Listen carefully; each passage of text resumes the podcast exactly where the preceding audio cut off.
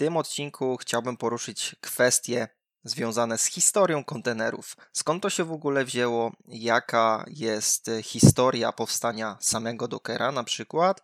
Czy było coś wcześniej? Który to był rok? I jak to wszystko się rozwijało? O tym w dzisiejszym odcinku.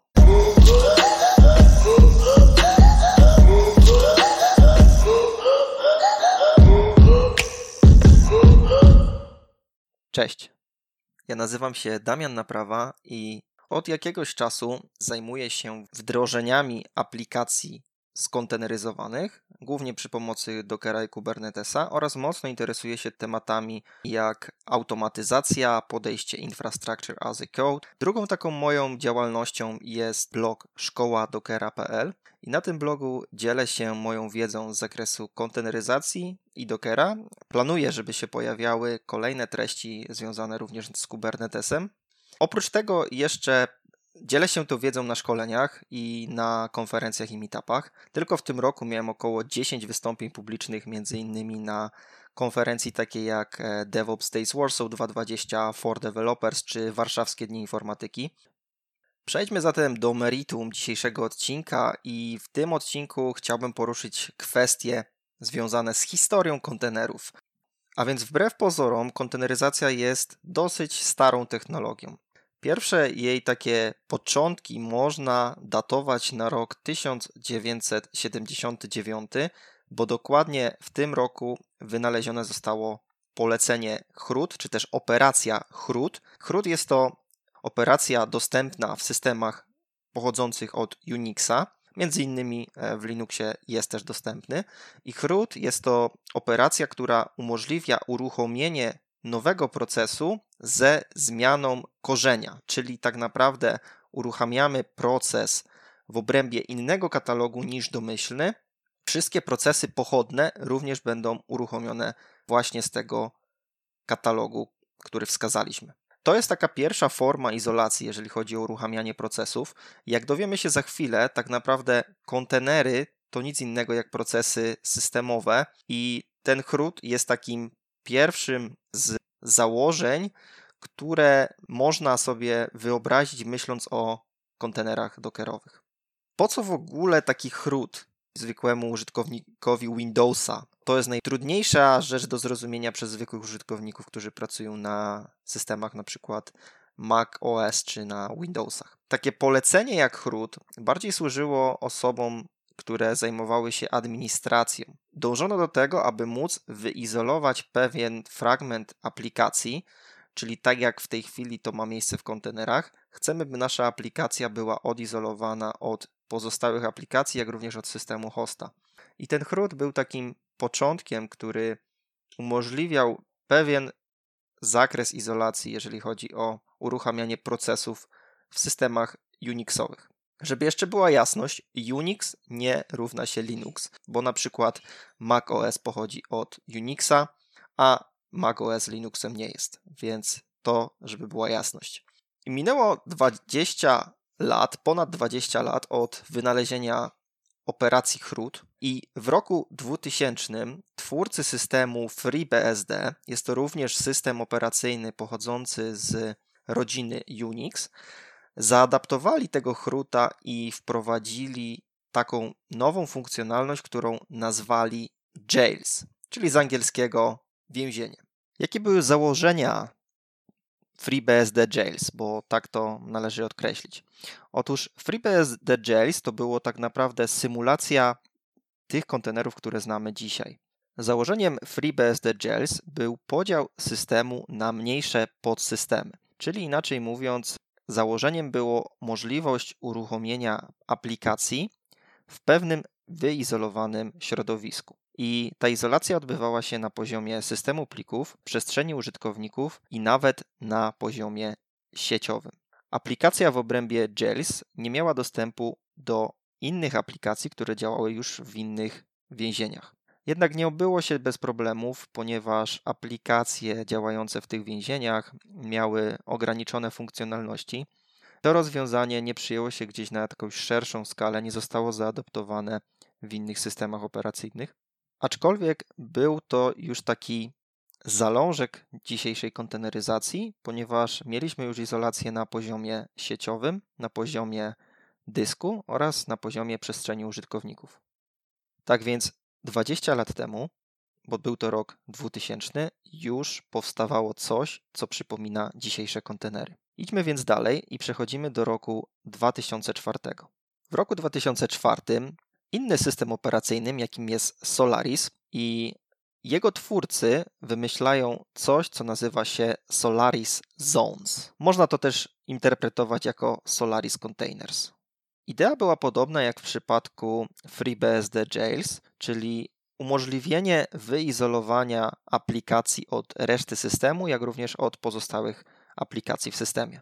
Aplikacja działająca w obrębie takiego Solaris Zone miała dostęp do procesów, do systemu plików, do przestrzeni użytkowników, a nawet do sprzętu, czyli do hardware'u.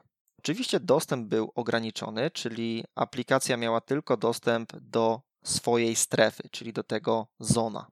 Co ciekawe, te zony i aplikacje w, obrębie tych zonów mogły współdzielić zasoby sprzętowe i mogły działać bezpośrednio na jądrze systemu hosta. Czyli to nie była już taka wirtualizacja, jaką znamy na przykład z VMware'a czy z Oracle VirtualBoxa, tylko było to już współdzielenie zasobów sprzętowych i działanie bezpośrednio na kernelu hosta. Podobnie jak FreeBSD Gels, e, Solaris Zones nie przyjęły się na jakąś szerszą skalę, ponieważ były to specyficzne rozwiązania dla tego systemu operacyjnego, jakim jest Solaris. I przełom tak naprawdę nastąpił w 2006 roku, kiedy firma Google i jej inżynierowie zaprezentowali światu rozwiązanie, które dzisiaj jest powszechnie stosowane w konteneryzacji. To rozwiązanie początkowo nie miało takiej nazwy, jaką ma teraz. Obecnie to rozwiązanie to Control Groups, inaczej mówiąc C Groups, i ono tak naprawdę przyczyniło się do powstania dzisiejszych kontenerów. Był to mechanizm, który odpowiadał za przydzielanie zasobów sprzętowych, czyli procesora, pamięci, dysku i sieci, oraz pozwalał na nadawanie priorytetów procesom. Śmiało mogę powiedzieć, że jest to rewolucja w świecie konteneryzacji i ten mechanizm jest po dzień dzisiejszy stosowany przez Dockera i Kubernetesa. Minęło dwa lata, czyli mamy rok teraz 2008 i w 2008 mechanizm Control Groups został przyłączony do jądra systemu Linux. I to zapoczątkowało narodziny tak zwanych Linux Containers, czyli w skrócie LXC. LXC to tak naprawdę pierwsze pełnoprawne kontenery. Co je wyróżnia? Podstawowymi mechanizmami, jakie są wykorzystywane w kontenerach LXC, jest C-Groups oraz Linux Namespaces, czyli przestrzeń nazw.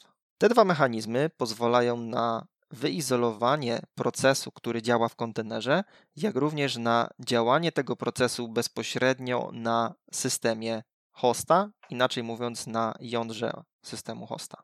Kontener LXC posiada wyizolowane drzewo procesów, czyli dostęp do procesów ma tylko kontener, natomiast domyślnie jest odizolowany od pozostałych procesów działających na hoście, czyli na Linuxie. Każdy kontener otrzymuje również swoją przestrzeń sieciową, jak również miejsce na dysku, czyli to, co znamy w tej chwili, jeżeli chodzi o Dockera i Kubernetesa.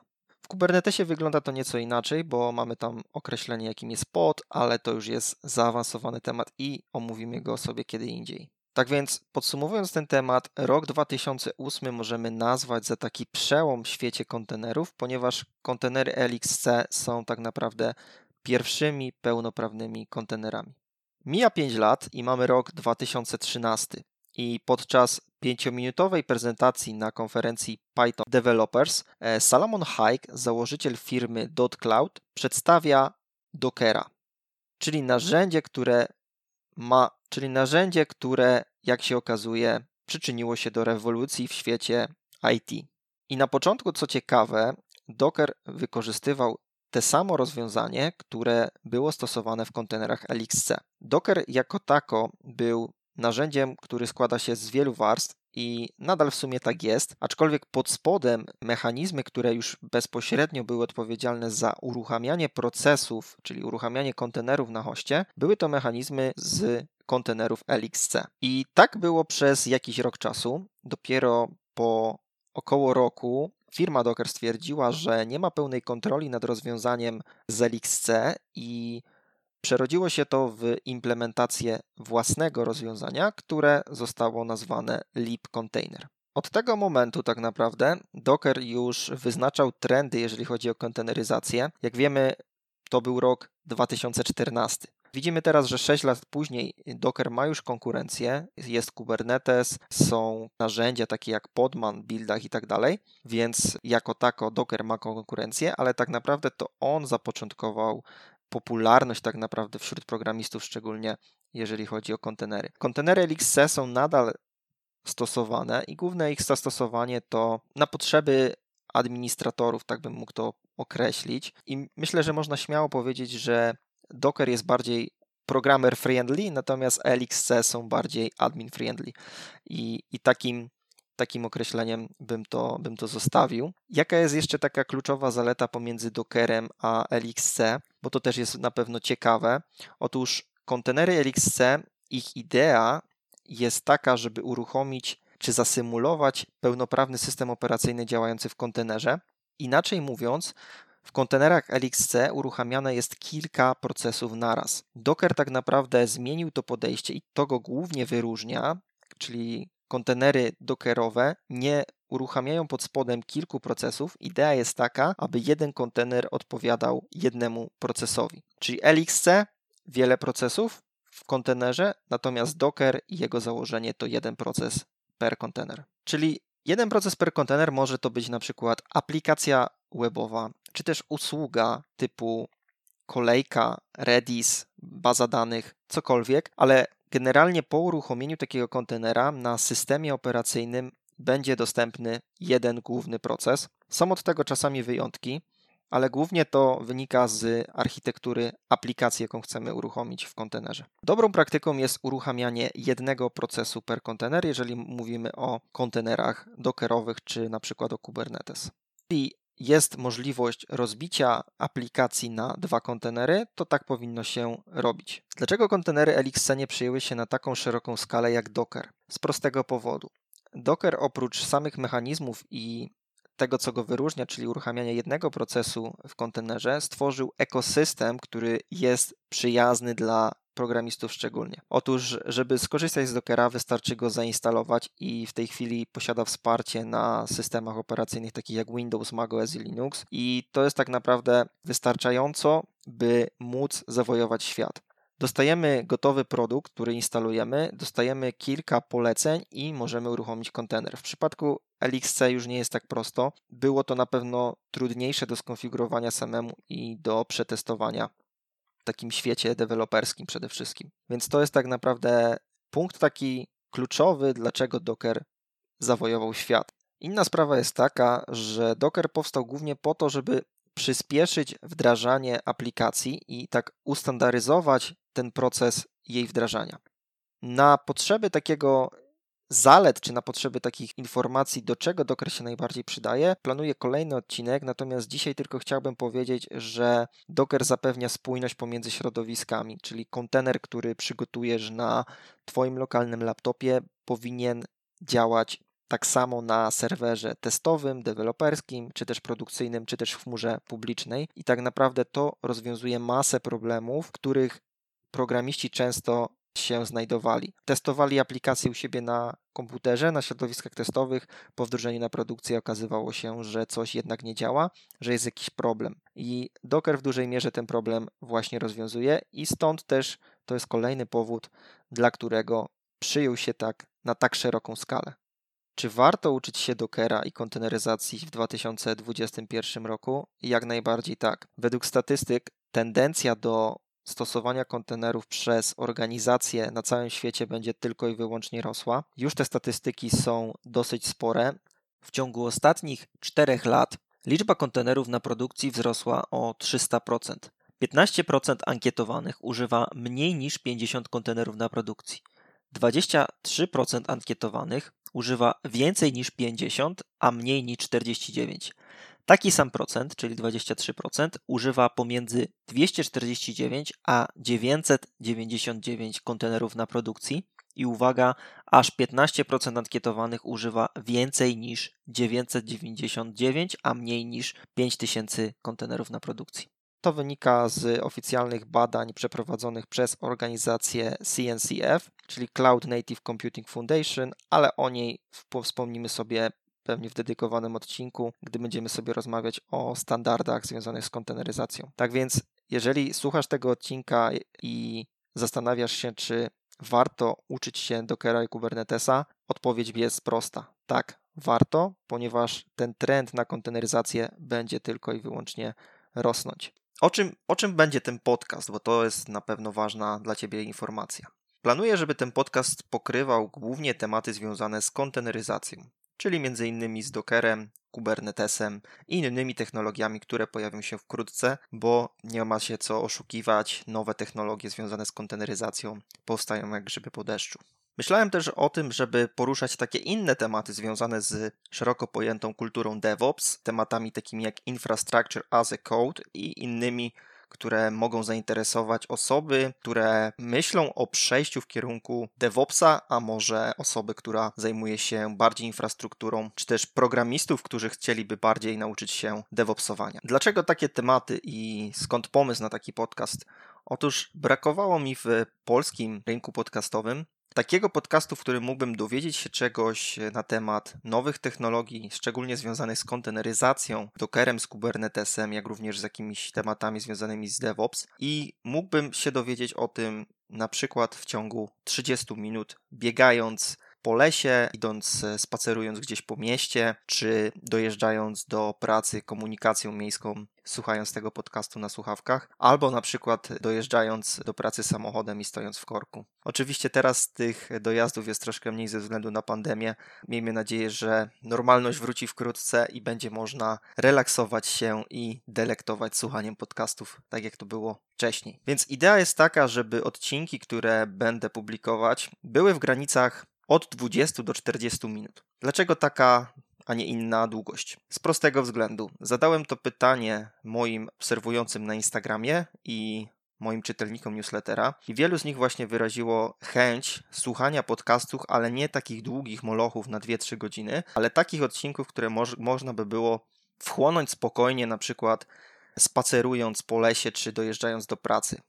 Tak więc oczywiście to jest e, fajna sugestia. Ja też nie lubię za bardzo słuchać takich długich odcinków, bo ciężko jest znaleźć dwie albo trzy godziny, żeby taki długi odcinek przesłuchać.